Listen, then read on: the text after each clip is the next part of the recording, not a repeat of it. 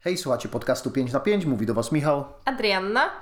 I Martyna. I dzisiaj, jak przed końcem każdego miesiąca, zapowiemy następny, robiąc kolejny odcinek najgorzej nazwanego programu w historii podcastów, czyli Kwarta Kina, luty 2024.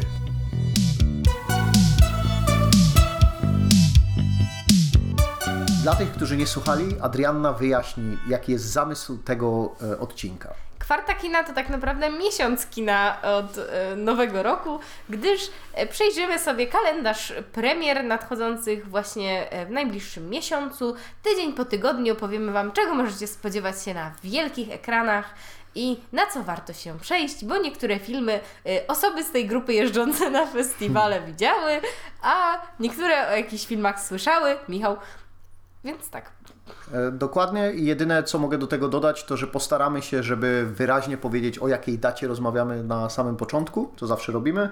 W tym, e, w tym miesiącu mamy w zasadzie cztery daty, bym powiedział, które musimy omówić, bo ta ostatnia już prawdopodobnie się nie zgadza, ale może się zgadza. E, Możemy i tak wymienić kilka słów.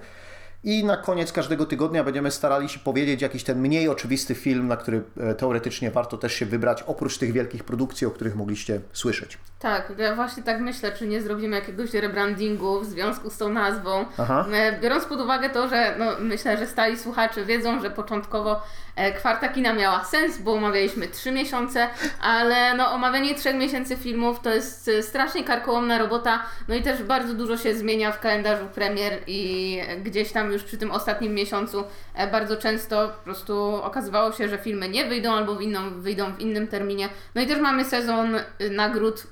Dzisiaj, dzisiaj e, były ogłoszone nominacje do Oscarów chociażby, no więc gęsto jest w kinie, chociaż nie zawsze jakościowo, jak, jak się przekonamy niedługo. To ja jeszcze dodam jedną taką nieścisłość, która wynika z tej nazwy, bo faktycznie kwarta, jeśli odniesiemy to do kwart, kwartału roku, to te trzy miesiące miały sens, ale terminie muzycznym kwarta to jest cztery, no zresztą jak w ogóle to jest cztery, więc jeszcze mniej nie miało sensu, także teraz e, przy tym absurdzie pozostanie, pozostaniemy, ale przeniesiemy się do 2 lutego, ale słuchajcie, ja wymyśliłam. No. Kwarta, że cztery tygodnie. Cztery tygodnie, super, ale jak któryś, tydzień, któryś miesiąc będzie miał pięć piątków z pięcioma premierami, to zapominamy o tym, albo nazwiemy kwintą kina. Też myślałam o kwincie kina.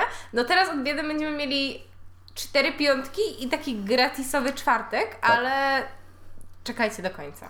2 lutego przychodzimy do kina i wychodzi nowy, nowy film Toda Heinza, który nazywa się po polsku Obsesja, bo e, to jest do, dosłowne tłumaczenie, tak? Zawsze będę stosował ten żart tytułu angielskiego, który jest May łamane przez December. No tak, mniej wiecie, że jak przełamiesz maj z grudniem. Ogól, ogólnie lubię na to narzekać i będę narzekał ciągle. Trochę czuję się zacofany, jeśli chodzi o ten film, z tego względu, że w Stanach Zjednoczonych jest to produkcja, którą kupił Netflix i po prostu ją pokazali już w grudniu. Nie? I można ją było oglądać od bardzo dawna, no a u nas musimy sobie grzecznie poczekać do lutego, aż pojawi się w kinach. A podobny case był w zeszłym roku, z... czy to było w zeszłym roku, czy już dwa lata temu z córką, że na Netflixie śmigało sobie gdzieś tam za granicą spokojnie, a u nas w Polsce nie było. E, No i trzeba było faktycznie albo poczekać na tę premierę kinową, albo no w przypadku Obsesji na e, chyba dość liczne e, seanse przedpremierowe. A Obsesja też, co jest ciekawe, oryginalnie miała wyjść na początku stycznia. Miała mieć premierę 5 dokładnie, wtedy kiedy e, Akademia Pana Kleksa i A, pierwszy przestraszyli gol. się Akademii Pana Kleksa. E, Dużo, dużo filmów przestraszyło się Akademii Pana Kleksa, bo Obsesja właśnie przesunęła się na ten luty, a z kolei Dream Scenario, który też oryginalnie miał wtedy się pojawić, e, wskoczyło już 29 grudnia, więc no naprawdę tam e, Kleks zasiał, nie? Trochę strachu, a teraz tylko śni się dzieciom po Czy nocach. pozostałe, pozostałe filmy dostały Kleksa w e, spodnia, spodenkach ze względu na wyjście Pana Kleksa? Znaczy nie wiem, czy Kleks jest powodem, dla którego pierwszy gol zrobił bardzo słaby wynik, ale pierwszy gol zrobił bardzo słaby wynik. Tak, to, to zrobił Kleksa w, e, w kałamarzu. Tak, co? Nieważne. O czym jest obsesja? Nie, właśnie chciałem tak małą buchalterię tutaj wprowadzić. Obsesja to jest film Toda Heinza, którego, który prawdopodobnie teraz najbardziej znany jest z filmu Carol, już e, sprzed 8 lat. E, Co prawda jego kariera jest rozbudowana. I ja ostatni film, który jego widziałem, ale nie jest to jego ostatni film, to jest Dark Waters z Markiem Ruffalo, swoją drogą. E, I mm, facet pracuje w różnych gatunkach, ma bardzo ładne oko, zazwyczaj interesują go e, ciekawe scenariusze, a tutaj w głównych rolach otrzymujemy Natalie Portman, Julian Moore i teraz nie pamiętam, czy Charles... a- Charles Melton. Charles Melton, który... e, po- Znany jest z Riverdale. którego ja nie znam, więc Okej. czyli dla mnie, dla mnie nie jest znany, ale e, zbiera bardzo dobre recenzje, bo no niesie z dwiema dużymi aktorkami, e, bardzo mocno niesie film, ponoć. Tak, ja mogę potwierdzić, bo już miałam przyjemność obejrzeć ten film. O, E, dosłownie dzisiaj, więc jestem na świeżo. E, no powiem tak, na pewno jest to jedna z ciekawych produkcji. Co mnie dość dziwiło, no to to, że jesteśmy już po ogłoszeniu nominacji do Oscarów. E, no i tam chyba tylko jedna się pojawiła, co nie? Z tego, z tego co pamiętam. Chyba do, na scenariusza. e, tak może być, sprawdzam to teraz szybko. E, tak, najlepszy scenariusz oryginalny. Tak, a no gdzieś tam na poprzednich galach, czy tam na Złotych Globach i tak dalej, e, pojawiały się nominacje aktorskie. No myślę, że takim pewniakiem była ta, była Natalie Portman, e, Julian Moore może, może też na coś liczyła, e, no i Charles Melton był nominowany do, do Złotego Globa za, za męską e, drugoplanową, w związku z czym e, no wydarzyło się inaczej, Akademia nie doceniła. Zastanawiam się, na ile ma z tym związek ta cała sytuacja y, z, kontrowersyjna związana z tym filmem e, i, i z tym, na ile jest to historia oryginalna, a na ile jest to wykorzystanie e, czyjegoś życia. e, pod przykrywką e, jakiejś tam jakiegoś kreatywnego działania. To tak pokrótce to mamy sytuację z prawdziwego życia, która jest przeniesiona tutaj do scenariusza, e, że ona była nauczycielką, ta, ta pani, czy po prostu była dużo starsza od, od tego chłopcy? Nie jestem pewna, w filmie oni po prostu pracują w jednym miejscu, a on gdzieś tam sobie dorabia, mając około 13 lat, a ona jest o jakieś dobre dwie, trzy dekady starsza. Tak, i, i oni w, i w, w tak zwanym prawdziwym życiu, oni tym małżeństwem potem byli też normalnie już po okresie pedofilskim. E, no i, i tak, tak, tak, tam e, no on w wieku chyba 13 lat spłodził jej dziecko, No, więc... Straszne. W sensie e, bardzo, e, bardzo zły jest to phrasing, biorąc pod Tak. uwagę to, że on jednak był e, no, niewątpliwie ofiarą w tej relacji. E, No i też że właśnie e, osoba, m, która, która to, to w swoim życiu przeżyła, e, no wyraziła swego rodzaju zdegustowanie w związku z tym, że twórcy w ogóle nie zwrócili się ni- do niego e, jakby z informacją o tym, że taki film powstanie, a tam nawiązania są oczywiste i to nie jest tylko gdzieś tam ogólny zarys historii, tylko też nawet odtworzenie niektórych zdjęć, Mhm. e, które były publikowane w, w tabloidach, e, gdzieś tam takie skrajne wystylizowanie Julian Moore na, na, na tę kobietę e, i też e, pewne takie manieryzmy w mowie, które ona przybrała dla tej roli. Ale muszę powiedzieć, że jestem zdziwiony, że nie traktowało się tego jako trochę jako adaptację, bo to, że nie sięgnęli do tych osób, tak mogło być. Bo na przykład dzisiaj słuchałem wywiadu z Toddem Hanksem i Julian Moore i oni ewidentnie używają na imienia John, nie? czy coś w tym stylu, więc podejrzewam, że jakieś są niejasności w tym, jak sprzedawana jest ta historia. Do tego, co tutaj e, jeszcze powiedzieliśmy, to dołożę jeden level, który jest w filmie. Natalie Portman przyjeżdża jako aktorka, która chce grać tę postać, która jest grana przez Julian Moore w filmie i obserwuje, jak ona się zachowuje, żeby przejść tak zwany aktorski proces.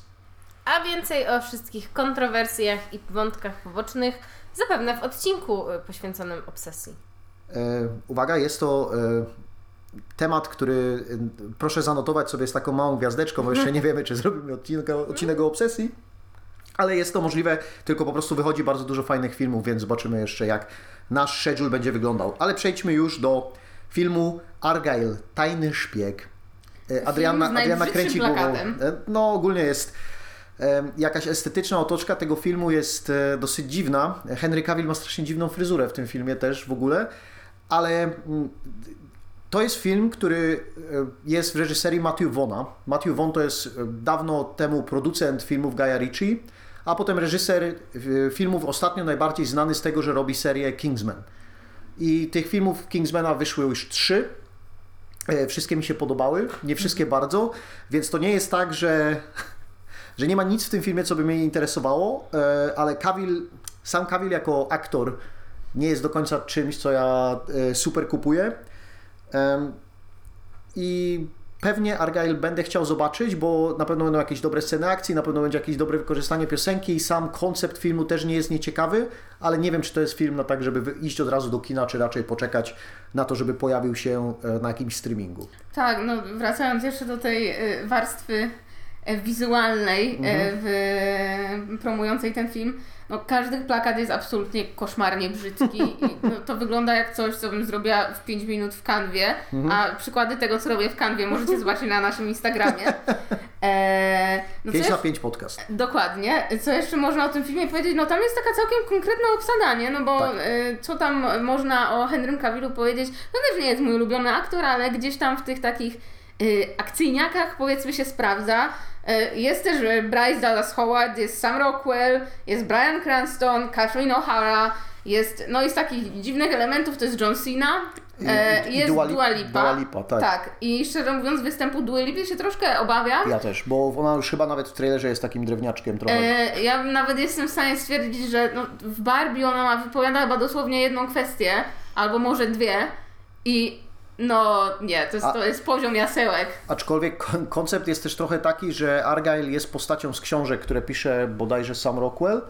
E, I to ma być taki trochę teatralny świat, więc, więc potencjalnie to może być celowość, natomiast e, nie wiem, czy to uchroni faktycznie ten, ten występ Dua Lipy. E, No, co tu jeszcze, co tu jakby może przyciągnąć? No wszystko tylko i wyłącznie to, że jeśli ktoś lubi te Kingsmanowate filmy, no to one, one gdzieś tam żywią pewną jakość i Matthew Vaughn od jakiegoś czasu jest, stoi moim zdaniem o półeczkę wyżej niż Guy Ritchie, nie? który się trochę rozmienił e, na drobne. Michale, czy ty pójdziesz na film Argyle? Raczej nie, no ale no, film Argyle wchodzi w takim momencie, że na, na razie chcę, chcę zobaczyć tego Beekeepera, o którym rozmawialiśmy w poprzedniej kwarcie, czyli pszczelarza. E, A Argyle może tutaj trochę zginąć i na przykład jak byli ci poprzedni Kingsmeni, to ich nadrabiałem, nadrabiając poprzedni, e, poprzedni rok, więc zobaczymy. A i tu mała, mała poprawka, to Bryce Dallas Howard e, gra Pisze, ksi- pisze książki, przepraszam. Tak, sam Rockwell chyba jest jakimś agentem albo coś takiego. Faktycznie, bo pamiętałem z trailera scenę w filmie, e, przepraszam, scenę w pociągu, w którym oni siedzą i gadają ze sobą i coś tam się dzieje, jakaś akcja i zapomniałem, kto jest autorem. E, Okej. Następny film to jest, to jest najdziwniejsza droga do, do powstania i wydania tego filmu, jaka istnieje, e, bo to jest cudowny chłopak, biały ptak. Tak, i to jest prequel do filmu, który możecie pamiętać, czyli Cudowny Chłopak sprzed no, no, kilku lat, czterech, pięciu, w którym grał Owen Wilson, Julia Roberts i bardzo obiecujący młody człowiek, Jacob Tremblay, który wcześniej miał no, dosyć imponujący jak na dziecko występ w filmie Pokój, też z Brie Larson. Tak. E, No i to był film na podstawie książki R.J. Palacio, którą nawet czytałam, bo, no, bo mnie się też czytało książki, jak wiemy. I, I też no, no, widziałam oczywiście wtedy ten film, e, kt- który opowiadał właśnie o, o chłopcu Ogim, który ma no, przez różne, że tak powiem, życiowe perturbacje e, i okoliczności genetyczne zdeformowaną buzię dosyć mocno, no i idzie do takiej szkoły dla normalsów i tam wiecie, no lekcja empatii, tego, że no, dzieci są czasem niemiłe i że musimy się uczyć wszyscy jak jednak być, nie wiem, nie być chujowymi ludźmi, dziękuję. I- i- i Ale to był taki ultimate crying movie, nie? W sensie ja pamiętam, że oni tam już naprawdę po prostu chcieli wycisnąć ze mnie wszystko, żebym się poryczała. Yy, I no, czy było to w książce też. I tymczasem mamy historię, która ma być prequelem do no, tej historii z cudownego chłopaka, ale ona jest takim bardzo naciąganym, bo koncept jest taki, że rzeczywiście w filmie Cudowny Chłopak pojawia się y, właśnie jeden z dzieciaczków, który jest y, nie najmilszy dla y, Ogiego. I tutaj, uwaga, skupcie się, ten chłopiec o imieniu Julien, Julien, jak wolicie, to on idzie do swojej babci, która opowiada mu historię wojenną o swoim dzieciństwie i to jest fabuła filmu Właśnie- Chłopak właśnie Biały Ptak. Tu się zastanawiałem, dlaczego chłopiec, film, który się dzieje w czasach współczesnych i będzie chłopiec i będzie prequel z chłopcem, który ma tam 10 lat, nie?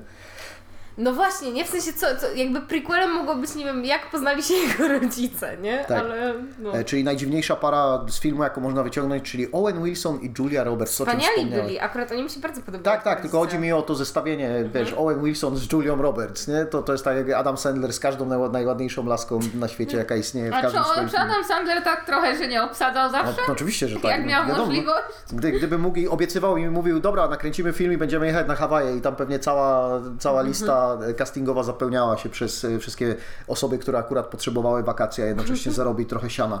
Ja jeszcze powiem tylko, że Mark Foster jest reżyserem tego filmu i Mark Foster ma strasznie dziwną karierę, bo z jednej strony jest Marzyciel, który jest super, e, Krzysiu, gdzie jesteś, który też jest bardzo fajny ale z drugiej strony robił Quantum of Solace i Stay, czyli dwa absolutne, absolutne badziewia. On prawie za każdym razem, jak robi jakiś film, to robi, to jest semi-znany, bo jest albo Chłopiec z latawcem, albo jest Ręka Boga, albo ten Man Called Otto, czyli e, czy on jest Mężczyzna mężczyzna imieniem- imieniem Otto, tak. Co było w zeszłym roku jakoś. Dokładnie. E, No ale e, akurat, czyli to nie jest tak, że Mark Foster nie robi filmów, którymi ja nie jestem zainteresowany, ale Cudowny Chłopiec Biały Ptak akurat leży po tej strefie, która Cudowny mnie... chłopak biały ptak. Cudowny Chłopak, przepraszam. Tak, ale for the record chciałabym też tylko powiedzieć, że to nie jest tak, że y, do, w sensie nie do końca można powiedzieć, że jakby twórcy tego filmu chcieli zgarnąć jeszcze więcej siana na tej franczyzie, bo ten film jakby no uważam, że jest całkiem legitnym mimo wszystko familijniakiem, w sensie cudowny chłopak jeden, Mhm. y, ale no też y, autorka książki napisała rzeczywiście ten prequel, więc jakby no mieli, mieli podstawę do tego, żeby znaleźć kolejną To ona chciała zgarnąć więcej hajsu. Tak, tak. Tak, no Oni ale... tylko korzystają. Oni no. tylko po prostu dalej kapitalizują to, co się już wydarzyło. Tak, tak, to jest po prostu w strefie tych opowieści, które mnie nie obchodzą, nie? Ale, to, Mhm. ale nie, dlatego, nie dlatego, że one są w jakiś sposób złe, tylko ja nie mam serca. No, ale to też jest super trudne, bo ten film przez to, że no jednak się tam pojawiają te wątki wojenne, to nie ma aż takiej, bym powiedziała, dziecięcej kategorii. On jest tam od 10 roku życia, więc no jakby dobra nadal. Ale no, tak jak Cudowny Chłopak, ten pierwszy był tam chyba praktycznie filmem bez ograniczeń wiekowych albo jakiś tam, nie wiem, nawet może 7+, plus, no to, to tutaj już tak jest trochę trudniej i ja nie wiem, czy bym polecała zabrać na to dziecko. Okej, przejdziemy sobie do, do następnego dzieła i zanim Ada z Martyną opowiedzą więcej, to ja, to ja powiem tylko, co ja się dowiedziałem, bo jest to dziewczyna influencera. E, zadałem sobie trud obejrzenia trailera do tego filmu i widzę, że jest e, smutne i dosyć przysadziste nawiązanie do polskiego celebryctwa i jest jakiś tam queerowy romans, wiadomo, tak trochę wyciśnięty na czas. To jest, to jest tyle, co wyciągnąłem z tego trailera. Proszę powiedzieć mi więcej. No ja też obejrzałam ten trailer i widziałam też e, tak zwany pierwszy plakat, bo jeśli teraz zapędzicie się na przykład na film web, żeby sprawdzić czym jest dziewczyna influencera, zobaczcie już nowy plakat. Który jest również brzydki, ale myślę, że nie ma podjazdu do tego pierwszego. Tak, gdyż pierwszy plakat zawierał e, główną bohaterkę robiącą sobie selfie w bieliźnie z jajkiem na brzuchu. Sadzonym jajkiem, ważne. Tak. A, okej, ja cały czas myślałem, że ono jest w skorupce, jak opowiedziałyście. Nie, o nie, tym. nie, ale myślę, że gdyby było w skorupce, to nie byłoby to takie ciekawe. Aha, no To okej, jest takie okej. Idealne jajko sadzone, bym powiedziała. Tak. Takiego nie zrobicie sobie na śniadanie, jak się tam spieszycie do pracy. No. Chyba, że macie to takie urządzonko, takie kołowate, do którego, które wstawiasz do patelni i tam wlewasz to jajko i ono wtedy wychodzi zawsze w tym samym kształcie. No to widocznie ona musiała mieć, bo wiecie, dla kontentu się wiele, wiele, wiele poświęca i wiele inwestuje. To, co, co ja wie, wiem o tym filmie, e, to tylko taki ogólny zarys fabuły, że mamy tę główną bohaterkę. Nie zadałam sobie trudu, żeby sprawdzić, jak ona się nazywa. E, I ona właśnie jest z jakimś influencerem, Tak.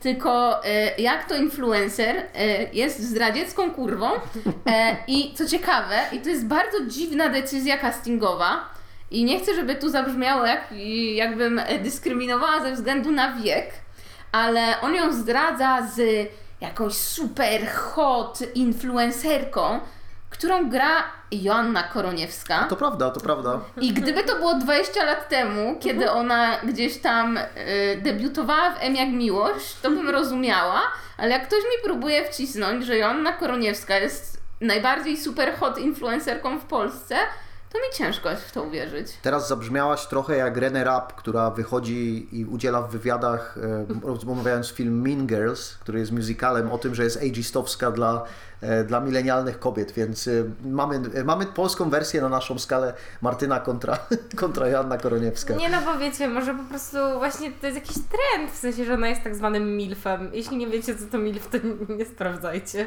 ale Ja może też mówię przez pryzmat tego, bo e, myślę, że to wyszło parę razy podczas e, naszych, naszych nagrywek i rozmów, że bardzo e, namiętnie śledzę pudelka. Tak, I tak. tam raz na jakiś czas e, stosunkowo często pojawiają się e, opisy różnego rodzaju wysrywów z działalności internetowej Joanny Koroniewskiej Tak, tak, tak, i tak. jej męża Macieja Dowbora. I no jest to taki najgorszy rodzaj boomerskiego humoru, bym powiedziała, w związku z czym no może Joanna Koroniewska zaskoczy nas e, tutaj e, w roli e, seksownej influencerki, e, kobiety petardy, to kolejne hasło z pudelka, jeśli, je, jeśli wiecie, to wiecie. E, no ale ja nadal myślę o niej jako Małgosi z im jak miłość Wiesz, i... wiesz co, wszystko się zgadza, ale tutaj medal ma dwie strony, bo z jednej strony ona, jej content na Instagramie to jest trochę ej, bo jak mój stary tam coś zrobił i przez stary nazywa tak swojego męża, co wiadomo jest najśmieszniejsze, ale z drugiej strony no jednak spamuje tym contentem, czyli w prawdziwym życiu e, jest status taki quasi-influencerski. Okej, no to tak, tak, może. Tylko raczej bym nie powiedziała, że e, Joanna Koroniewska był, byłaby kimś, kto porwie młodzież. Nie, a tam nie, jest ale- chyba na taką e, stylizowana. Ale, ale patrząc na to, jaki kwiat polskiego aktorstwa występuje w tym filmie, w sensie te twarze, których, które rozpoznałem, ale nie umiem ich nazwać, to, no to chyba po prostu też pokusili się na to, że jest semi-znane nazwisko. Być może, być może, tak, tak, tak właśnie było. Aczkolwiek ja nie jestem najsłuszniejszym oceniatorem tego. Dobra, zejdźmy z tej dziewczyny influencera i ten, jestem teraz zainteresowany idealnie wykonanym jajkiem sadzonym. To, to zgodniałem. E, Pieśni Ziemi omawialiśmy już w jakiejś poprzedniej kwarcie, więc e, nie, wiem na pewno, bo wpisałem tytuł i był, był już wspomniany wcześniej. A, przepraszam, no ale to, to, to, tak szybko, to to jest e, film dokumentalny i to norweski o pięknie przyrody, Tak. więc jeśli lu- lubicie takie wajby doceniania natury i tego, że świat jest piękny i że tam nie róbcie ziemi źle, to pieśni ziemi. A co nie jest piękne, ale Ada jest trochę podjarana, jest katak podwodny. Podwodna przygoda! No przecież To jest wspaniały film. najbrzydsza rzecz, jaką widziałam. Absolutnie. Mówię o kataku. Nie, katak jest wspaniałym zwierzęciem i absolutnie ja jestem zajarana i bardzo na niego czekam, ale to tak samo, jeśli pamiętacie kwartę sprzed kilku miesięcy, gdzie mówiliśmy o filmie Patty i klątwa Posejdona, to, to jest po prostu moja schiza na to, że ja strasznie lubię, e, jakby od kiedy odkryłam to, że jakby zaczęli w tym kraju być ludzie, którzy szukają takich trochę bardziej wartościowych filmów dla dzieci, to kiedy Młode Horyzonty mówią, mamy nowy film, to ja mówię, proszę mi go pokazać i patrzę mówię, katak, opowieść o tym, że ch- chłop, znaczy chłopiec, no katak, nie może się tam dopasować bez najmniejszy zmiotu. Ale, ale jest I- trochę jak y, brzydkie kaczątko, nie? że on jest tam szary, a ma wybieleć. I, mm, Tak, no ale to są takie uniwersalne tam baje dla dzieci. Pewnie. Ale mnie to zawsze e- ekscytuje, jeśli czuję, że nie ma tam, wiecie, potencjału na bycie filmem typu Illumination, czyli takim trochę Tak. jednak mech. E, Wiesz co, ja chciałem się tylko wycofać z jednej opinii, bo pomyliłem to z jeszcze następnym filmem, który nadejdzie i wygląda o wiele bardziej paskudnie. A, a ja tutaj chciałbym powiedzieć, że wartość edukacyjna leży w tym, że można się zapoznać z morskimi is- istotami, które często nie są jakby w głównej roli, czyli na przykład białgi i morświny, ale są też orki. Nie? Jest tam jakiś niedźwiedź polarny, więc e, takie sympatyczne zwierzęta. A orki? No, orki? Nie, no nie jest. Mój drogi, z orki to Majorki. są, to są największe skurwysyny morskie, naprawdę. Jakbyście zaczęli, co one tam robią e, z biednymi fokami, Tak, nie ale, polecam. ale późno nocne przesiadywanie na Wikipedii doprowadzało mnie często do e, orki, które zabijały swoich trenerów i na przykład torturowały je przez 3 godziny w, w tym oceanarium, nie pozwalając ich wypuścić, nie? Więc e, także faktycznie orki nie należą do sympatycznego gatunku. Martyna, chciałaś coś dodać jeszcze na temat kataka? A nie, myślę, myślę, że już nie mam nic do powiedzenia. No oprócz tego, że to nie jest jednak mój ulubiony rodzaj animacji pod względem wizualnym, Mhm. ale ja też nie mam pięciu lat, y, więc raczej się na, y, na ten film nie wybiorę. Ale właśnie propos pięciu lat, e, to to jest film, który jest właśnie od piątego roku życia, więc jeśli macie O. takie dziecko, to, to jakby ja z, z czystym sumieniem jakby mogę powiedzieć, że zapraszamy na Kataka. E, No ja powiem tylko tak, że to wygląda, nie wygląda jak ta najgorsza animacja, która leci zawsze w telewizji 3D, no ale jest zrobiona po takich tam kosztach, ale nie, no wygląda na tyle poprawnie, w sensie nie, te oczy nie są aż tak martwe, jak mogłyby być. E, Jest tam jakieś światełko? Tak, jest, jest światełko. I ostatni, fi, ostatni film, który jest 2 lutego i tutaj tylko krótko, bo to jest film Wielkie Marzenia. To jest czeski film o tym, że jest właśnie też młody chłopczyk, tam 10-11-letni, który chce być jak czeski piłkarz, którego nawet nie znam, ale... Czeski hokeista, bo to jest, to jest ja, przy, O, przy, ja przy, przychodzę tutaj z, pe, z wiedzą pewnego momentu. Czeski hokeista e, nazywa się Dominik Haszek, e, e, uznawany jest za jednego z najwybitniejszych najwybitniejszych golkiperów w NHL, czyli amerykańskiej profesjonalnej ligi hokeja. Jak byłem dużo młodszy, to jednym z kanałów sportowych, który istniał przez jakiś czas, a potem przestał, była Wizja Sport. I Wizja Sport transmitowała hokeja i wtedy właśnie przypadały czasy między innymi Dominika Haszka, więc tylko to nazwisko zapamiętałem z tego, reszta mnie A totalnie nie widzisz, interesuje. To mnie słowo goalkeeper musiało z- zmylić względem sportu, To- bo nie wpadłam, że... k- E, k- Może być w nie inny, interesu- inny tak? No. Pamiętaj, pamiętaj, że to są Czechy. Czechy są hokeja bardzo dobre. A, dobrze, to go, go, go Czechy for it, a my go to next week. Tak jest, ale zanim przejdziemy do 9 lutego, to z 2 lutego, który z tych filmów, poza obsesją e, coś tam wam robi. Katak, podwodna przygoda. No u mnie tak e, jest... e, hmm. No powiedz dziewczyna influencera. No bo ja powiem, bo ja powiem, że dziewczyna influencera, ale tylko z Oj, jakiegoś nie. takiego e, skrajnie masochistycz- Po prostu masz masochistycznego ochotę powodu. na jajko. Chyba cały czas, no. No to u mnie chyba w takim razie byłyby to Pieśni Ziemi, chociaż słyszałam takie głosy, że to nie jest zbyt dobry film, ale no jak widoczki będą piękne i będzie podróż w odkrywaniu siebie i więzów rodzinnych, no to Jezu, super, super, że mówisz o podróży, o odkrywaniu siebie, bo chyba ze trzy takie filmy jeszcze są przed nami. tak, to prawda. Dobra, a my tymczasem przechodzimy do 9 lutego i otwierają dziewczyny rozmawiając o filmie Priscilla. który widziałyśmy już razem na seansie przyjaciółek. I nie było to żadne kino kobiet w multikinie, jakby co. To na takie tylko Michał chodzi sam. A ja kiedyś musimy iść wszyscy na taki, wiecie, kino kobiet do Heliosa i tam brać udział w konkursach jako 5 na 5 i zrobić potem e, unboxing. Haul. Tak, haul nagrodowy. E, Priscilla, czyli nowy film Sofii Coppoli, którą e, chyba powiedziałabym, że mamy wobec niej dosyć pozytywne nastroje Tak, mimo wszystko. tak. W sensie ja jakby bardzo lubię przekleństwa niewinności, wobec których miałam najpierw taki mocno ambiwalentny stosunek.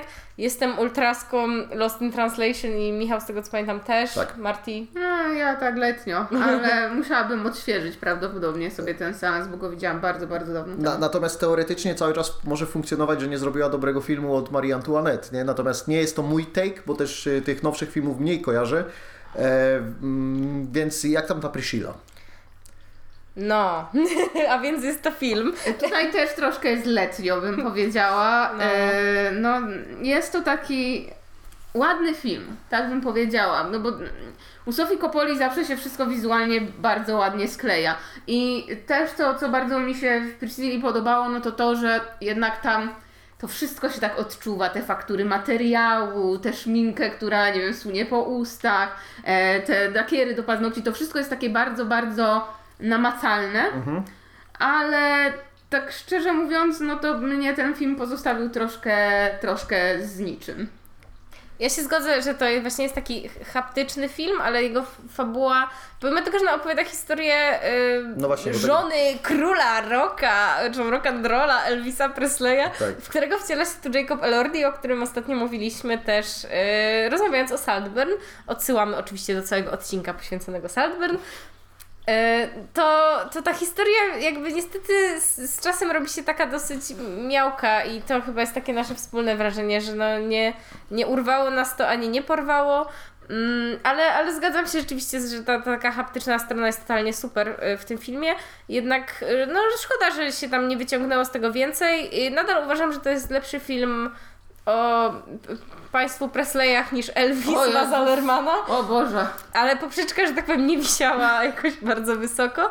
Yy, yy, więc tak, trochę fascynują mnie tam te wszystkie nominacje, które były wcześniej dla, dla tej Kaylee Spenny yy, za, za jej główną rolę, ale okej. Yy, Więc no, od nas chyba takie umiarkowane polecenie, jeśli Was interesuje ta historia, czy jesteście zaangażowani właśnie też w te wszystkie wątki poboczne, typu córka, której się to nie podoba, bo jakby no jedną z producentek tego filmu jest Priscilla Presley, która miała duży wpływ na to, jaki obraz jej. Tak, tak, film na podstawie też y, jej autobiografii. Tak, no właśnie. No, tak, to, tak to niestety teraz wygląda. Jak wychodzi Rocketman, to Elton John jest zaangażowany i wszystkie te filmy są tak jakieś e, trochę bardziej bezpieczne. No ale Tak. kurde, Rocketman i tak chyba jakby wyszedł na tym wszystkim najlepiej, nie? Bo No no bo Bohemian to- Rhapsody to tam była Tak, największa bo- porażka. Bo, bo Elton John sam z siebie się też potrafi śmiać, ale no jest też tak trochę przedstawiony, no nieważne, nie, to nie jest dyskusja na temat filmu Rocketman. E, Tak, ale no jeśli chodzi jeszcze o Priscillę, no to na pewno mm, za co ten film cenię, a za co nie ceni go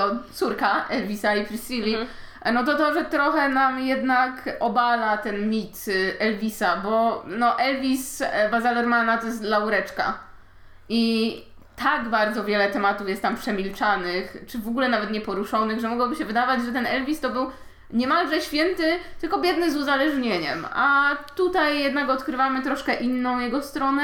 No i też taką niesamowitą krypność tej relacji, bo Tak, no, tak, ona to prawda. była bardzo, bardzo nieletnia, a on był już całkiem dojrzałym facetem. A z tego wyszedł film tak zwany letni. E, Ale tak, tak, zgadzam się, że na pewno to, co od początku jest takie uderzające, to wydaje mi się, że też miks jakby dobrego castingu i te, tego, że odczuwa się bardzo tą różnicę jakby tej naprawdę no dziewczynki w Mhm. tamtym momencie, a no, no bądź co bądź faceta, który Tak. gdzieś tam jakby się na nią no fiksuje, to jest chyba dobre słowo. Tytuł Obsesja też do połowy filmu by przeszedł. Tak, ale jeśli chodzi o właśnie, o właśnie kwestie charakteryzacyjne, no to to też jest na pewno na ogromny plus. No ale to troszkę się do, dokłada jakby do tej warstwy wizualnej, no bo faktycznie kiedy ona jest dziewczynką, e, to, to my w to wierzymy.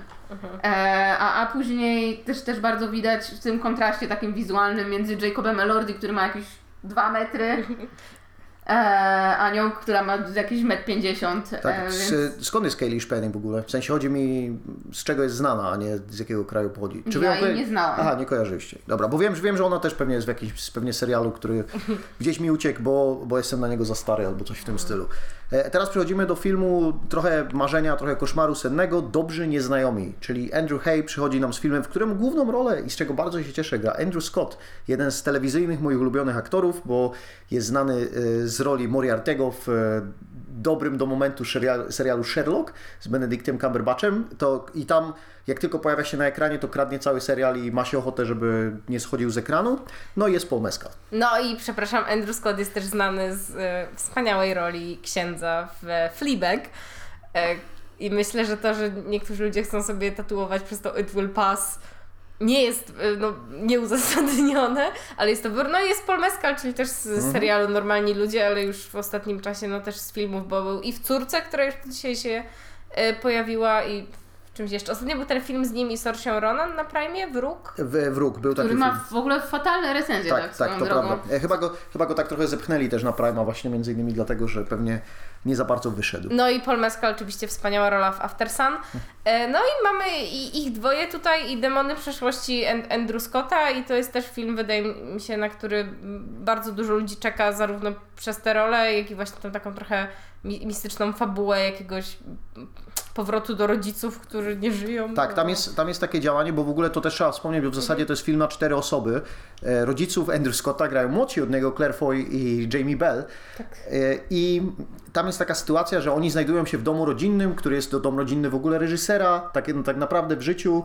E, I Andrew Scott nie dosyć, że gra dorosłą osobę, czyli samotnika z Londynu, to jeszcze gra siebie jako dziecko, nie zmienia, dziesięcioletnie dziecko, nie zmieniając swojego wieku, a jedno, wyciągając to tylko grą aktorską, jest mocno bardzo za to chwalony, fajnie się o tym wypowiada w procesie. E, No jest to też e, o queerowym romansie trochę, nie? A to w ogóle jest bardzo ciekawa rzecz, bo kiedy ja przygotowując się, bo to, że, że Dobrych Nieznajomych chcę obejrzeć, to wiedziałam już od bardzo dawna, ale jedyne co widziałam, to widziałam zwiastun i wydawało mi się, że to będzie bardziej jakaś taka, no, oczywiście, że tam jest wątek queerowy, ale zwiastun troszkę sugeruje, że to będzie właśnie taki bardziej romans być może.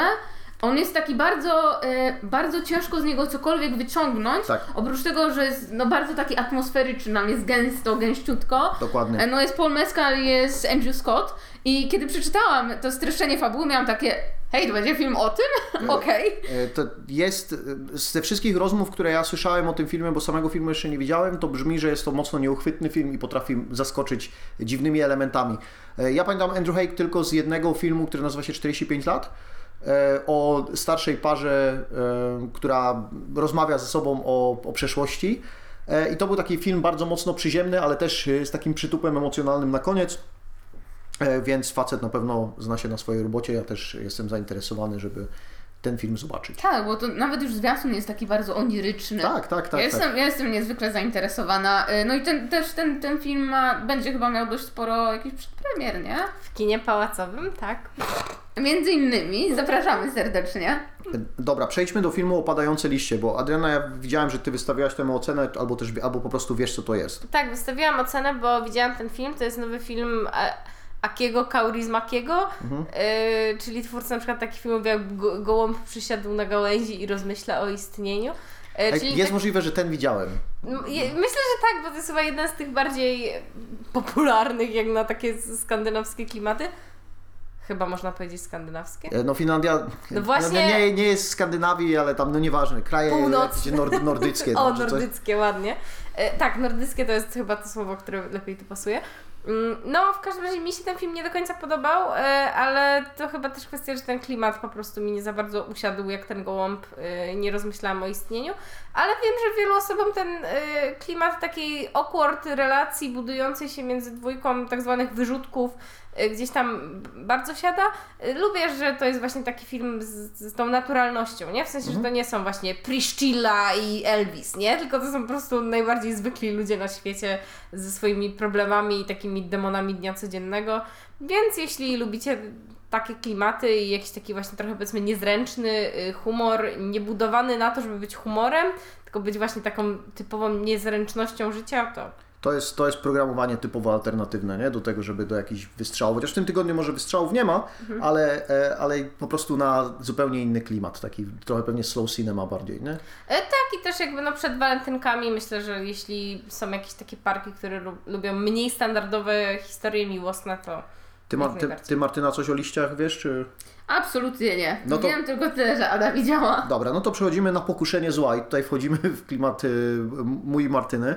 Obejrzałem do tego trailer i miałem dwie najważniejsze myśli. Po pierwsze zastanawiałem się bardzo mocno, dlaczego ja kojarzę tę aktorkę, ale nie umiem sobie przypomnieć, kto to jest. I potem sprawdziłem, no i znałem, bo 15 lat temu zaczął się serial Homeland, a to jest Dana, czyli córka głównego bohatera z serialu Homeland. Bardzo dawno jej w niczym nie widziałem, albo przynajmniej nie przypominam sobie, że widziałem. Nie wygląda źle z trailera i kojarzył mi się z takim filmem Gora Werbińskiego, który wyszedł y, jakiś czas temu, który nazywa się The Cure for Wellness Okej. i miał takie trochę takiego body horroru, ale w zasadzie bardziej takiej medycznej. E, jakieś tam procedury zachodziły na, na ludzkich ciałach e, i nie powiem, z tych wszystkich ostatnich pierdół horrorowych, które omawialiśmy, to to chyba mi się podobało najbardziej, przynajmniej z trailera oczywiście. Tak, no to jest w ogóle film, który jest e, dystrybuowany przez Shudder, którego Mhm. no, w Polsce niestety nie mamy. E, bardzo, bardzo u, ubolewam e, jako wierna, wierna fanka horroru. Opis jest, opis jest bardzo niezachęcający, Okej. bo e, opis mówi nam o tym, że nasza główna bohaterka szuka jakiejś tam pracy, e, powiedzmy, że dorywczej e, podczas e, chyba jakiegoś gapier, który sobie robi. E, no i ma zajmować się chłopcem czy chłopakiem, który jest uczulony prawie na wszystko, a poza tym jest jakiś dziwny. E, i, w momencie, w którym przeczytałam ten opis, miałam takie, o, to chyba jakieś takie aż dziwne, że nie premieruje w styczniu, no bo znana jest zasada, e, gówniany horror, no to musi wyjść w styczniu. E, ale im więcej czytam i przeglądam na temat tego filmu, tym bardziej jestem zainteresowana. Tak. E, ja dodam tylko jeszcze gwoli wyjaśnienia, że Shudder to jest serwis streamingowy, który zajmuje się praktycznie tylko horrorami. Tak jak mówi e, Martyna, nie jest dostępny u nas, a fajnie by było, e, gdyby tak było. No, nie, problem jest z tym filmem jeszcze tylko taki, że jest u nas dwa lata po premierze, co jest, co, co jest trochę dziwne, no ale już rozmawialiśmy o tym. Setki Bobrów, ja nie wiem co to jest. To jest film, który był e, w konkursie w, no już w zeszłym roku na Octopus Film Festival. Nie jest to film Velveta, jakby co. O filmach Velveta, jak wiemy, ja nie, ja nie będę mówić, a będzie w lutym. Tak tylko zapowiem. E, No jakieś takie dziwadełko trochę, nie? Że ty, typolec musi pokonać setki bobrów, żeby zostać chyba tam najlepszym traperem w mieście, czy coś takiego W Ameryce. w Ameryce. E, Więc ja go nie widziałam, e, ale jeśli jesteście jakby fanami tych e, gatunkowych, oktopusowych klimatów, to może jest to coś dla Was. Jakby moi znajomi, którzy no, mieli okazję go widzieć, to wypowiadali się bardzo pozytywnie, więc w ich imieniu chyba powiem można. Okej, ale to teraz przejdziemy do czegoś, co jest chyba wasze, nie? Co to jest Piękna Katastrofa 2? To nie jest nasze. Znaczy, po, Dlaczego byś nas podejrzewał tak chujowy film z Dylanem Sprousem, co? O, z Dylanem, tak? Tak, bo to jest film e, w ogóle jakby t- twórców chyba After też. Tak, wydaje mi się, że tłumaczycie mi to drugi raz, bo, Tak, bo bo zeszłym o roku- piękną katastrofę też pytałem. Tak, bo Piękna Katastrofa już chyba zdążyła przez nas być omówiona w zeszłorocznej kwarcie, bo wtedy wyszła pierwsza część. To jest jakieś takie dziwaczne romansidło. e, Czekajcie, Znaczy- czy ja chcę, ja chcę trafić, czy to jest fucking Trevor? Tak, tak, tak, tak, to jest tak. fucking Trevor. No. Yes! No, Tak, no jakby co jest ważne, no to jest, e, jest to taka, takie romansidło pokłosie After, ale ono się tam dość mocno z After podpierdala. A, E, Więc tam jest no, do, dość ciekawy case tego, że no, są to niby twórcy, e, no też mamy aktora, który, który występował w After, a jednak e, no tam, tam są takie, takie podśmiechujki y, właśnie z- no, z całego gatunku, nie? Jakiegoś takiego e, teen romance i No. tak dalej. No bo tutaj e, Dylan gra w ogóle takiego totalnego bad boya, co tam się w klatce napierdala. Ojej. W pierwszej części jest taka scena, e, w której, no bo wiadomo, on jest bad boyem, no to ona musi być kujonką, nie? No tak, tak. E, no i ona z jakiegoś powodu przychodzi na tę jego walkę gdzieś tam w podziemiu, w klatce. No i ona oczywiście ubrana jak to grzeczna dziewczynka w jakiś cardigan. E, no i Dylan wydaje cios w mordę swojemu przeciwnikowi. I krew tego przeciwnika tak się rozbryzguje na jej sweterku i to ją chyba jara. E, no, więc y, no myślę, że, że już po tym krótkim opisie wiecie z jakim filmem mamy do czynienia. W drugiej części, bo w pierwszej części oni się oczywiście schodzą, e, chociaż no to e, ona i on, niebo i grom, wiecie te sprawy. E, w drugiej części afera jest taka, że się budzą gdzieś tam po nocy w Vegas e, z wielkim kacem i obrączkami na palcach. Mm, pięknie. Tak, e, więc stąd też, stąd też tutaj no takie, takie akcje się tam będą, będą działy, pewnie pełno nieporozumień. W oryginale to się nazywa Beautiful Wedding, po polsku się nazywa Piękna Katastrofa 2, więc no pewnie będzie ślub i pewnie będzie katastrofa, o co wam mogę powiedzieć. No powiem tak, to jest dla tych, dla których jest ten film, to jest ten film. No i pierwsza część musiała zarobić dostatecznie pieniędzy, żeby spowodować zainteresowanie wydania drugiej części. E, może wydali nawet na nią 100 milionów, bo następnym filmem jest Jak ukradłem 100 milionów, który kompletnie mnie nie interesuje. Tak, o, to tam jest jest Antoni Królikowski, więc ja też... Tak, tak. E, Fabuła już jest, już jest jakaś taka obleśna i Jak by- byłam ostatnio w, w kinie y, na Igrzyskach Śmierci, to leciał zwiastun tego filmu i bardzo nie chciałam go oglądać. I dosłownie moje, moje oczy po prostu uciekały, bo tak, jest tam Antoni Królikowski, jest to właśnie polska, kurwa no komedia Mhm. o jakichś obrzydliwych typolcach, które kradną 100 no, milionów. to jest, jest Gosia Socha, jest Damięcki, jest tak, tak, Żebrowski, tak, więc no nope. właśnie. E, dobra, następny jest Emma i Czarny Jaguar. To już rozmawialiśmy trochę o Kataku, bo to jest film, który jest o tak zwanym przesłaniu klimatycznym. Co mnie odrzuca od tego filmu, bo nie przesłanie, tylko odrzuca mnie też, że zwierzęta wyglądają strasznie nieprawdziwie. To jest w ogóle jakby, no nie kontynuacja, ale film twórców y, takiego no, filmu o bardzo podobnym koncepcie, który nazywał się Mija i Biały Lew. A i było, I on- rozmawialiśmy o tym chyba, nie? Ten nie? film był w 2018. A, okej, bo, brzmi, bo brzmi jak coś, To o czym Ady rozmawialiśmy. jeszcze nie było na świecie. Tak. Nikt się nie śmieje. E, ale, ale tak, no więc teraz tutaj po prostu będziemy mieli e, trochę inną bohaterkę. To jest dosyć śmieszne, bo wiecie, tam była blondyneczka i biały lew, a to jest dziewczynka o czarnych włosach w dżungli i jest jaguar, który jest czarny. Więc paleta kolorystyczna musiała się zgadzać, ale nie zapowiada się to też jako sz- szkodliwy film, więc Nie, nie, absolutnie szkodliwości mu ten, No. tylko ja jestem, nie lubię jak jest zwierzę, które będzie najlepszym kumplem Emmy, a tak wygląda jak trochę jakby go nie było na świecie, no ale może się mylę. E, następ... Zwiastun wygląda źle. No, Tak, tak, tak, to, to prawda. No ale, ale taki normalna taka przygoda, nie? Dla, dla dzieci. E, na pewno w kwarcie rozmawialiśmy o czymś takim, że ktoś ratował delfiny w Australii, czy coś w tym stylu. No, Takie było, było coś coś takiego w zeszłym roku. Nieważne. Miłość jak miód.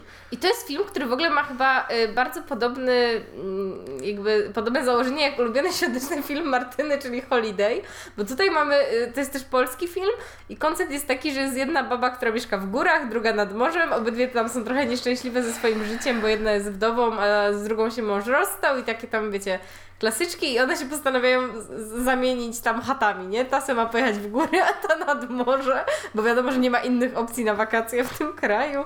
Y, No i dzieją się rzeczy. Ja w ogóle odebrałem z tego jakiś vibe typu nigdy w życiu ja wam pokażę. E, Tak, tak, bo no to- scenariusz pisała Ilona Łebkowska, nie? O Boże. Czy nie, czy nie, czy nie, czy mylę? Mylę może z jakimś innym filmem. Może mylisz, ale y, vibe y, jest jak najbardziej zgodny, bym powiedziała. E, nie, nie była to Ilona Łebkowska. Była A, nie, prze- przepraszam, Aneta Głowska oraz Katarzyna Leżeńska. To zwracam honor, to z czymś innym pomyliłem. Wiem, w Zołze pisała e, E, tak, Ilona tak. Łebkowska. A Tak, to była już z ponad rok temu. tak? Jak Bo u mnie, się, u, u mnie się wyświetla teraz jakieś plakaty, ale nie wiem dlaczego. Dobra, co z tego e, 9 lutego Was interesuje? No tu powiedziałbym, że nawet nie ma takiego jednego filmu, na który by się... Uuu, ja mam zdecydowanie je, jeden film.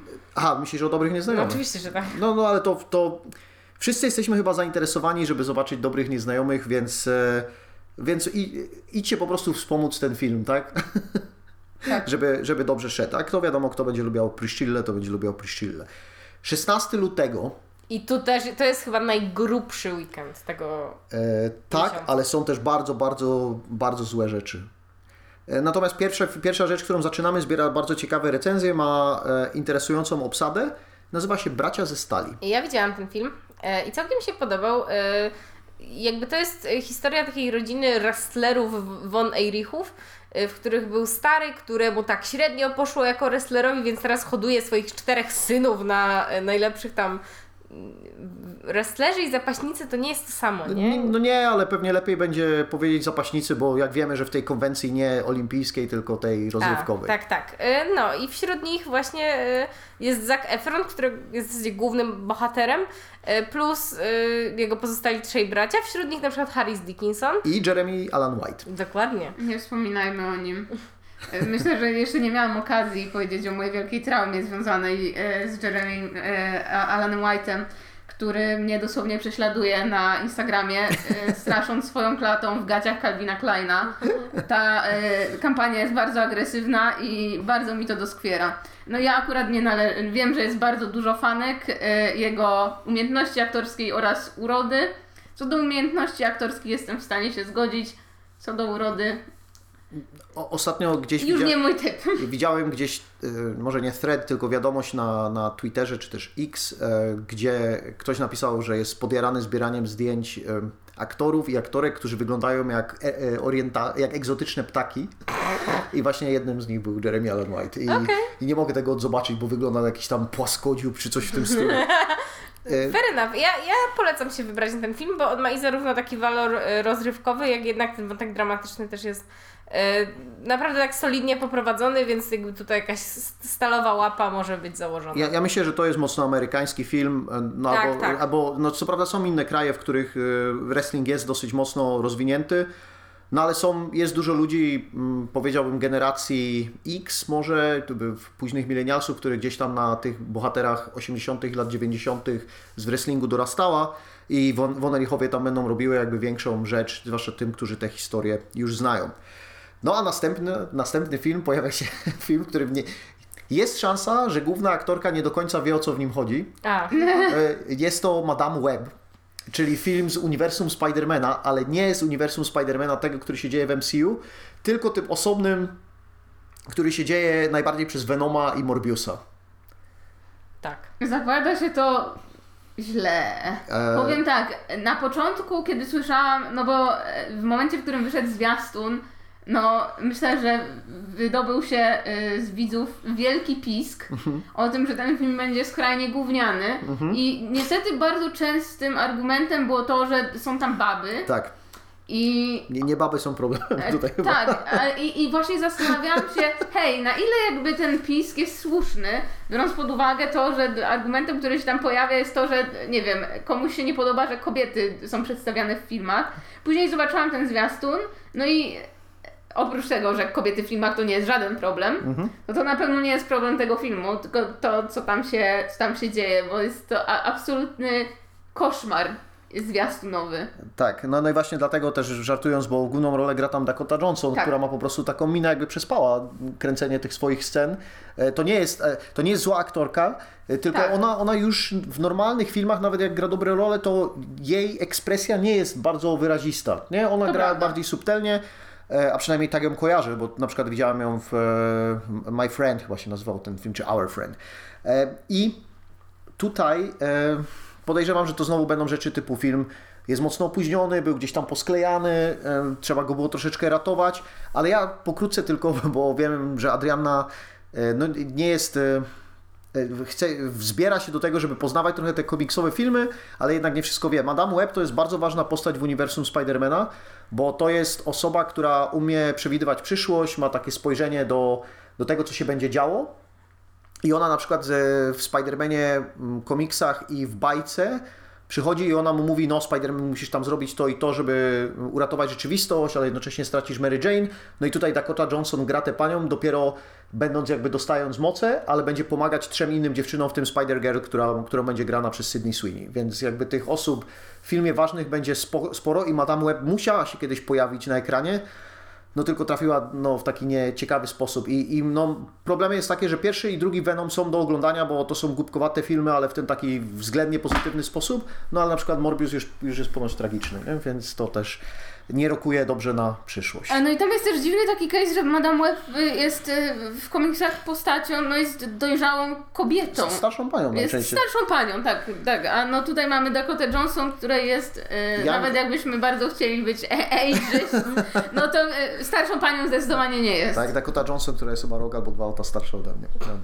E, Okej, e, następny film, który Ada zna z kolei Tak. dobrze, Club Zero, więc ja, ja Tak. się tam czytałem w nim, czytałem, czytałem, potem sprawdziłem widziałem, że go widziałaś, więc... E, No i oceniłam go jeszcze gorzej niż opadające liście. Tam chyba trójka jakaś wjechała, Wjechała trójka, a musicie wiedzieć, że jestem naprawdę charytatywna, nie? Wobec filmów. W sensie, jeśli pamiętacie, jak ileś minut temu narzekałam tą Priscillę, to jej chyba szóstkę wystawiłam i tak, tak jakby tak podsumowując ją.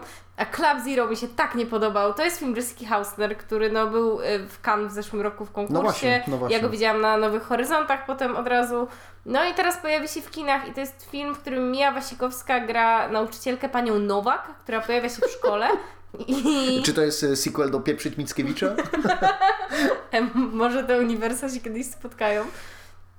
Ale y, pojawia się w liceum, w którym y, no, tworzy taki klub y, z uczniami, który basically ma ich skłaniać do tego, żeby y, coraz mniej jeść i żeby jeść jakby tam jakoś. Najpierw to ma być, że niby to jest takie świadome, ale finalnie chodzi o to, żeby dołączyć do klubu Zero, czyli że jedzenie jest ci w ogóle niepotrzebne. E, Michał, czemu jesteś taki zszokowany? Dobra, bo ja byłem pewien, że to jest jakiś taki edukacyjny film do tego, żeby zachęcić ludzi do jedzenia porządnie i będzie o jakiejś bulimi i... A to nie, to on jest właśnie taki, no on ma oczywiście, to od razu sobie postawcie trigger warning, jeśli jakby zaburzenia odżywiania są dla Was trudnym tematem, to ten film też może być trudny, ale on się tak kurwa waha pomiędzy byciem właśnie jakimś thrillerem, a psychologią, a tak naprawdę jest strasznie taki miałki dla mnie i to cała ta historia jest tak napisana super papierowo, że masz uwierzyć w to wszystko, nie wiem na jakiej podstawie. No, jestem bardzo niepozytywnie nastawiona do, niego, do tego filmu, ale może, nie wiem, Wy macie, macie jakieś bardziej pozytywne e, Na oczekiwania. Na, na plakacie jest napisane, że jest coś związane w trójkącie, potem przeczytałem to, co ty napisałaś, potem przeczytałem o czym jest ten film, potem zobaczyłem, że ma bardzo, bardzo, bardzo mieszane recenzje, takie tam typu Rotten Tomatoes i tak dalej i przestałem być zainteresowany. Mar- Martyna, Martyna wyraziła kiwnięciem głowy e, zdanie. Tak, tak, bo ja się, ja się już wcześniej nasłuchałam od Ady o tym, że bardzo tego filmu nie lubi. E, w związku z czym jestem zainteresowana, e, ale, ale bez jakiejś, jakiejś dzikiej ekscytacji. Dobra, e, i następny film to jest z gatunku albo z cyklu taki, to jest historia polskiej kinematografii i, i zastanawiam się, e, czy, bo, bo na przykład ja z tym filmem nie mam żadnej relacji i mnie nie śmieszy, e, bo jest to sami swój początek i prawdopodobnie wszystkim fanom i kibicom polskich komedii, no to będzie takie, może to będzie takie wow, ale ja nie umiem wykrzesać z siebie nic zainteresowania do tego filmu. Nie interesuje mnie Kargul ani Pawlak. No ja widziałam kiedyś samych swoich, ale nie zrobili mi za dużo nawet komediowo, w sensie czaję, że dla kogoś to może być bardzo sentymentalna wycieczka. No ten film raczej jest takim trochę, w sensie, no tak się zapowiada, nie, że to jest taki kogel-mogel i wysysanie na tym sentymencie e, jakby do, do tamtych filmów teraz sobie publiczności. No ja jako, że i jakby oryginał nie jest dla mnie czymś e, istotnym w życiu, to raczej się na to nie wybiorę. Kropka. No nie, nie, nie, to w ogóle wygląda tragicznie i jakby u mnie w domu pamiętam, że był jakiś taki sentyment do samych swoich. Tak, tak. E, no nie, nie było to tak, że nie wiem, co leciało w telewizji, to cała rodzina się zbierała i oglądała. To nie, i... to nie znachor, nie? E, tak, dokładnie. I pękała ze śmiechu, ale no jest bez wątpienia to jakieś, to są filmy kultowe e, gdzieś tam dla, dla tego pokolenia, powiedzmy, że naszych, naszych rodziców. No i nie widzę sensu w robieniu tego teraz, szczególnie, że to są filmy no, mimo wszystko bardzo stare. I tam też trochę chodziło o to, bo jakby hasełkiem, które promuje e, samych swoich początek, jest kto zaczął, Pawlak czy Kargul. A to t- nie uważam, żeby to było istotne w tej historii, bo Tak. jakby no, cała historia była o tym, że się sąsiedzi nienawidzą i tyle. Zwłaszcza, że historia była rozwijana dalej w dwóch sequelach jeszcze chyba, nie? Po samych swoich. Przynajmniej o dwóch, dwa kojarzy, ale nie wiem, czy... Ja wiem tylko o jedynce i o dwójce. Mo- Być może pomyliłem. Nie, sorry za brak doktoratu ze znajomości uniwersum samych swoich. Jedyne co tutaj dodam było tak, że w pewnym momencie na telewizjach typu Telezakupy Mango e, było szałem to, żeby polskie stare filmy, które były czarno-białe, odrestaurowane w kolorze sprzedawać i z tym mi się kojarzy to, że sami swoi byli między innymi w ten sposób reklamowani. A następne jest pianoforte, e, które jest gdzieś tutaj w, w waszej jurysdykcji. Tak, bo widziałyśmy je na festiwalu. Kolejny raz to powiedziałam w tym odcinku. E, wspaniały film. Ja jestem bardzo, bardzo dużą fanką. To jest film dokumentalny o konkursie chopinowskim. A, E, tak.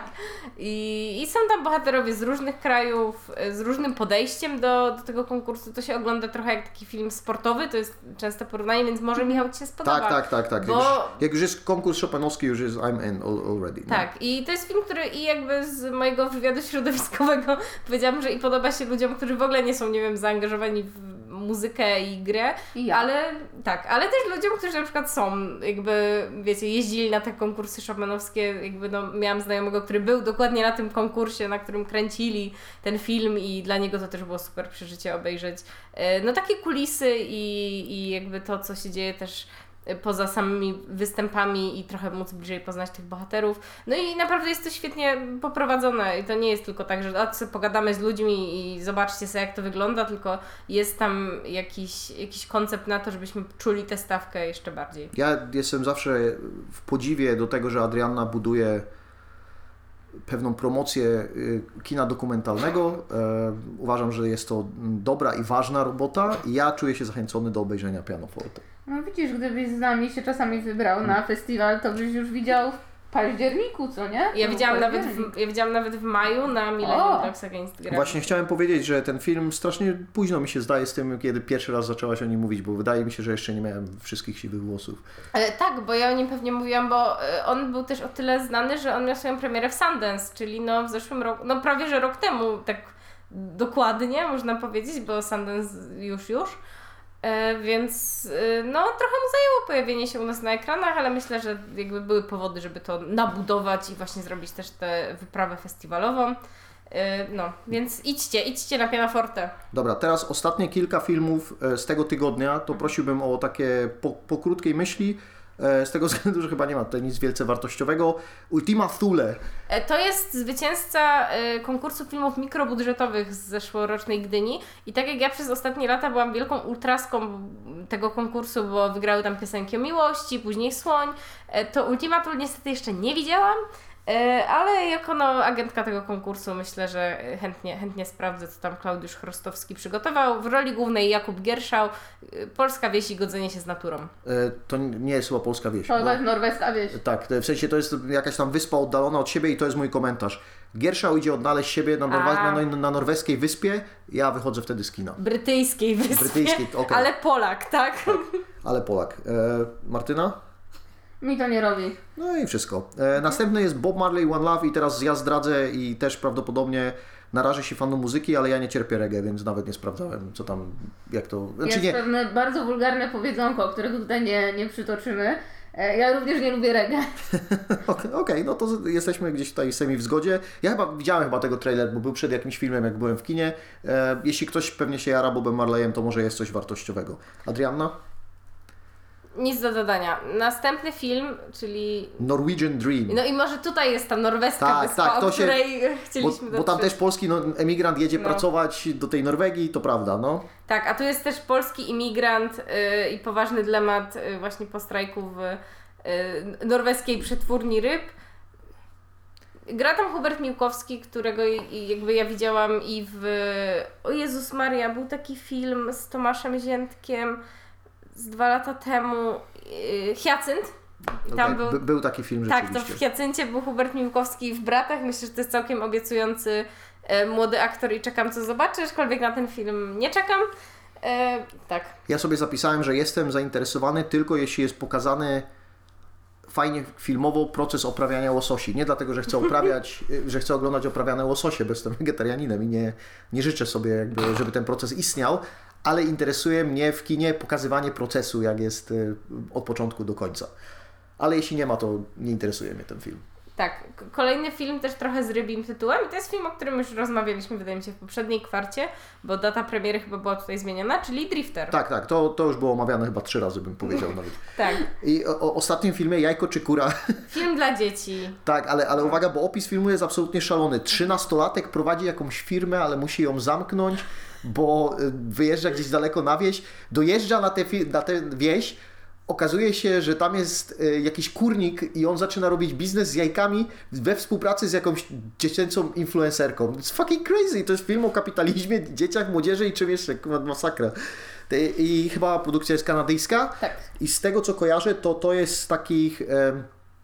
to jest z cyklu takich filmów Tales for Everyone, czy coś w tym stylu, czy Tales for All. Y, I ten cykl. y, Tam pracują reżyserzy, którzy właśnie przygotowują takie opowias- opowiastki, żeby wszyscy mogli sobie zobaczyć. E, To jest bardzo dystopijne, nie? Bardzo. 12-letni przedsiębiorca i e, mniej więcej w jego wieku youtuberka. Tak. Jeśli tak ma wyglądać przyszłość następnych pokoleń, bardzo współczuję. E, Ponoć, ponoć tak jest, że w Chinach nie, ale podejrzewam, że też że u nas, że 90% e, młodzieży do 13-14 lat, w tym jak chce wybrać, jaki zawód chce wykonywać, to najczęściej jest to youtuber. Także dystopia jest, ale sami Dobrze, że nie podcaster, bo to w ogóle... Tego nam nie zabierajcie, to już e, te wszystkie role są zajęte. Dobrze, z tego e, 16 lutego, co tutaj do Was e, przemawia? No chyba najbardziej ci bracia ze stali. Może Mhm. ostatnio Jeremy Allen White przestał mnie prześladować, to będę w stanie go oglądać, chociaż tam chyba też występuje bardzo często bez koszulki. No, Nie. Nie ma klaty? Bardziej jest dużo nóżek i trochę dupki. e, no i jest, jest dziwna twarz Zaka Efrona w tym filmie, no ale E, to też. No, szczena tam jest... y, Ja uwaga powiem, jestem bardzo zainteresowany filmem Pianoforte. Fajnie. A to również, również polecamy, ale no, no. No. już, my już I- dawno po seansie. Tak, my Tak. już tam ten. Ja jestem zainteresowana Ultimatul. No okej, no zobaczysz to i powiesz mi, czy Giersza odnalazł siebie, czy nie, ale, ale wolałbym, żeby się zgubił. E, przechodzimy do 23 lutego, czyli teoretycznie ostatni tydzień e, i wychodzimy z Anatomii Upadku, który Wy widziałyście. Ja jeszcze jestem przed seansem. E, wam się nie podobał, a ja jeszcze nie mogę wyrazić zdania. Nie no, to jest w sensie, mi się podobał chyba trochę bardziej niż Martynie, bo no, Anatomia Upadku Justine Triet, y, czy jak tam po francusku chcecie przeczytać nazwisko tej pani, laureatka Złotej Palmy ostatniej, z Sandrą Huller, która się też pojawi w y, Strefie Interesów, czyli kolejnym no, oscarowym tutaj y, filmie. No jest to film i jest to film typu drama sądowa i śledztwo. Ja uważam, że on jest naprawdę porządny, aczkolwiek po prostu zastanawiają mnie wszystkie zachwyty, bo to jest film, po którym ludzie wychodzą i mówią, że to jest w ogóle dziewięć z serduszkiem, ich ulubiony film i w ogóle, że jakie to jest genialne. A ja miałam takie, kurde, no w sensie to nie jest zły film, ale, ale czemu aż tak, nie? Tak, ja, no ja y, myślę, że, że tak, że, że jestem w stanie się zgodzić z tym, że Adzie podobało się bardziej niż mi. Ja miałam parę momentów e, na tym filmie, kiedy opadały mi powieki i musiałam agresywnie pobierać od Ady miętówki, żeby się wybudzić. E, no to też nie jest tak, że to jest zły film, żeby nie było wątpliwości. Ale no podobnie jak Ada, absolutnie nie rozumiem, nie rozumiem zachwytów. No tak w, po, w skrócie, e, no to facet wypada przez okno i, e, no i gdzieś tam e, odbywa się rozprawa, czy, czy to żona miała na to wpływ, czy, czy może nie. I ja miałam bardzo dużą nadzieję, zresztą ten film jest troszkę tak promowany, na to, że to bardziej pogłębi jakieś takie właśnie relacje między w małżeństwie, które, mogą, które mogą występować, że to tak, że naprawdę tak jako osoby postronne nie, mam, nie możemy mieć pojęcia o tym, jaka jest dynamika w tej relacji, co tam się dzieje, kto jest winny, czy ktokolwiek jest winny, czy może być, być może po prostu dwie osoby się krzywdzą.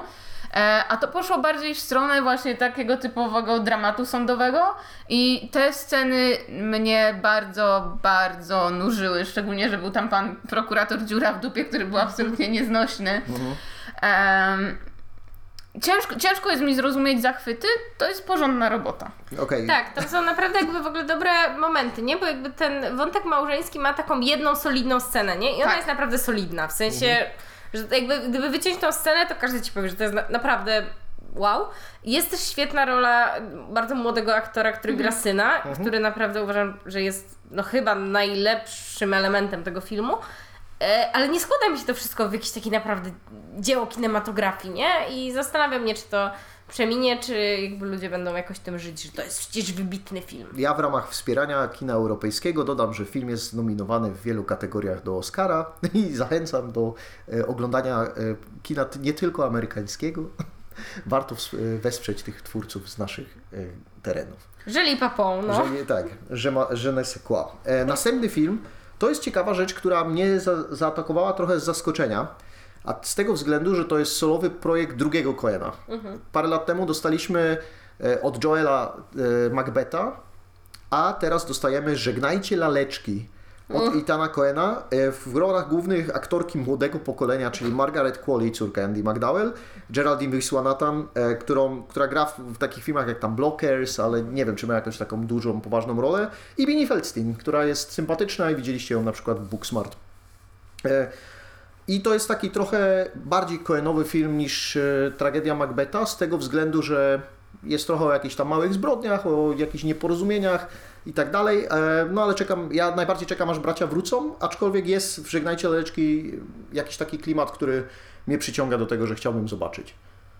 Ju? Już? Ja nie mam jakichś y, zapędów do tego filmu, więc... Trzy baby grają główne role i Cię nie interesuje? Co to jest za wsparcie? Amerykański film to jest, wiesz, a ja te, kino europejskie lubię. No i tam Cohen też taka e, wrażliwość trochę europejska, bym powiedział. Martyna?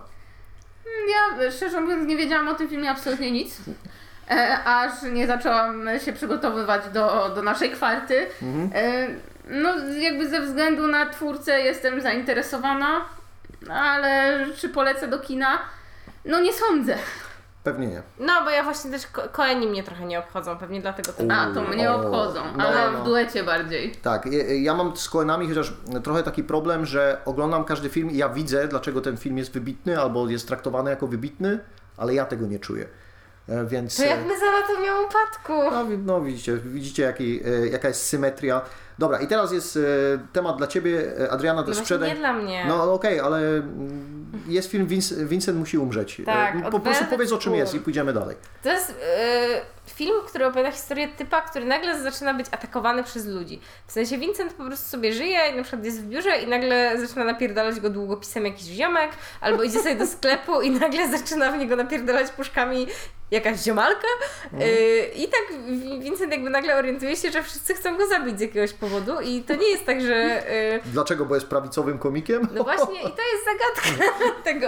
Czy Vincent jest prawicowym komikiem? Dowiecie się e, po seansie filmu francuskiego, więc też Europa. Tak. Vincent musi umrzeć. No ja dodaję tylko, że proszę zapraszamy do oglądania i wspierania e, filmu Vincent musi umrzeć. I, I następny film to film biograficzny e, o malarzu, którego ja nie kojarzyłem. Nazywa się Impresjoniści, który też tytułem takim nie jest w oryginale. Em, No i prawdopodobnie jak każdy film o malarstwie będą aspekty, które wyglądają ładnie, ale już jest taki jakiś taki nieboży metraż, tam ze 2 godziny 5 minut chyba, e, to dla mnie na film biograficzny to jest trochę za, za długo.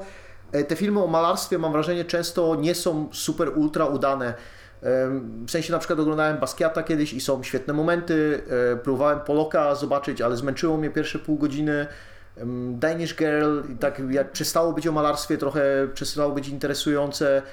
At Eternity's Gates Vincent, e, z Willemem Defoe o Vincencie Van Goghu e, jest trochę męczące. No jakby nie mam najlepszego toru w przeszłości związanego z tymi filmami, które są o malarzach, więc tutaj trochę mój poziom zainteresowania nie jest aż taki wysoki. No, mój, mój też. Jakby lubię mieć malarstwo w malarstwie, a kino w kinie. Super, to jest bardzo dobre podkreślenie. I ostatni, to jest ten film, o którym chciałem powiedzieć, że tutaj, tutaj na, nie, na nim mi się podniosło w gardle. To jest pies i kot i ja tylko przy, przy, e, powiem tak, jest bezpański pies i kotka influencerka i dziękuję. I w tym momencie zacząłem, przestałem się interesować dalej. Ale słuchaj, bo to jest bardzo piękny opis na Filmwebie. Bezpański pies i kotka influencerka muszą działać łapa w łapę, aby odnaleźć drogę do domu. E, wygląda paskudnie. Jest to prawda. Żeby było śmieszniej, w tym tygodniu wychodzą prawie wszystkie filmy są francuskie, w sensie O. poza tym Coenem, to od Anatomii Upadku przez Vincenta, Impresjonistów i nawet Psychota y, Viva la France. I tym, tym aspektem zamknijmy sobie ten e, 23 lutego. I E. wtem wchodzi gratisowy czwartek. I teraz, teraz to jest ważne pytanie, bo 29 lutego rozumiem, że to będzie przedpremiera Dune części drugiej. No, w sensie jest to zaplanowane jako premiera, więc tak A. naprawdę kina będą mogły od tego czwartku grać. Tak jak wiecie, nie wiem, był film Wika, który wychodził 26 grudnia i to był tam, wiecie, wtorek, tam środa. To ja ja bym powiedział, że o Dune, mm, Dune wszyscy znają, Dune wiedzą jak wyglądają wszyscy. Druga część epickiego dzieła e, Denis Villeneuve. te, też e, nie jest co prawda Kanadyjczykiem, e, ale e, też francuskojęzyczny. E, Natomiast film nie jest francuskojęzyczny. Myślę, że wszyscy, którzy widzieli pierwszą Dune już zakreślają kalendarzami na czerwono, kiedy wyjdzie Duna druga. E, Niestety u mnie jest trochę tak, że ponieważ ta część wygląda, że będzie się działo więcej na pustyni, czyli to, co było dla mnie słabszym momentem pierwszej Duny, no to martwię się, że ten film e, no, nie dowiezie mi tego, co ja bym sobie życzył. Znaczy, powiem tak, no bo y, ja czytałam e, książkowy pierwowzór, bo jak wiecie, mnie się czyta. E, I tam będzie potencjalnie bardzo, bardzo dużo ciekawych wątków, bez Okej. tutaj większych spoilerów.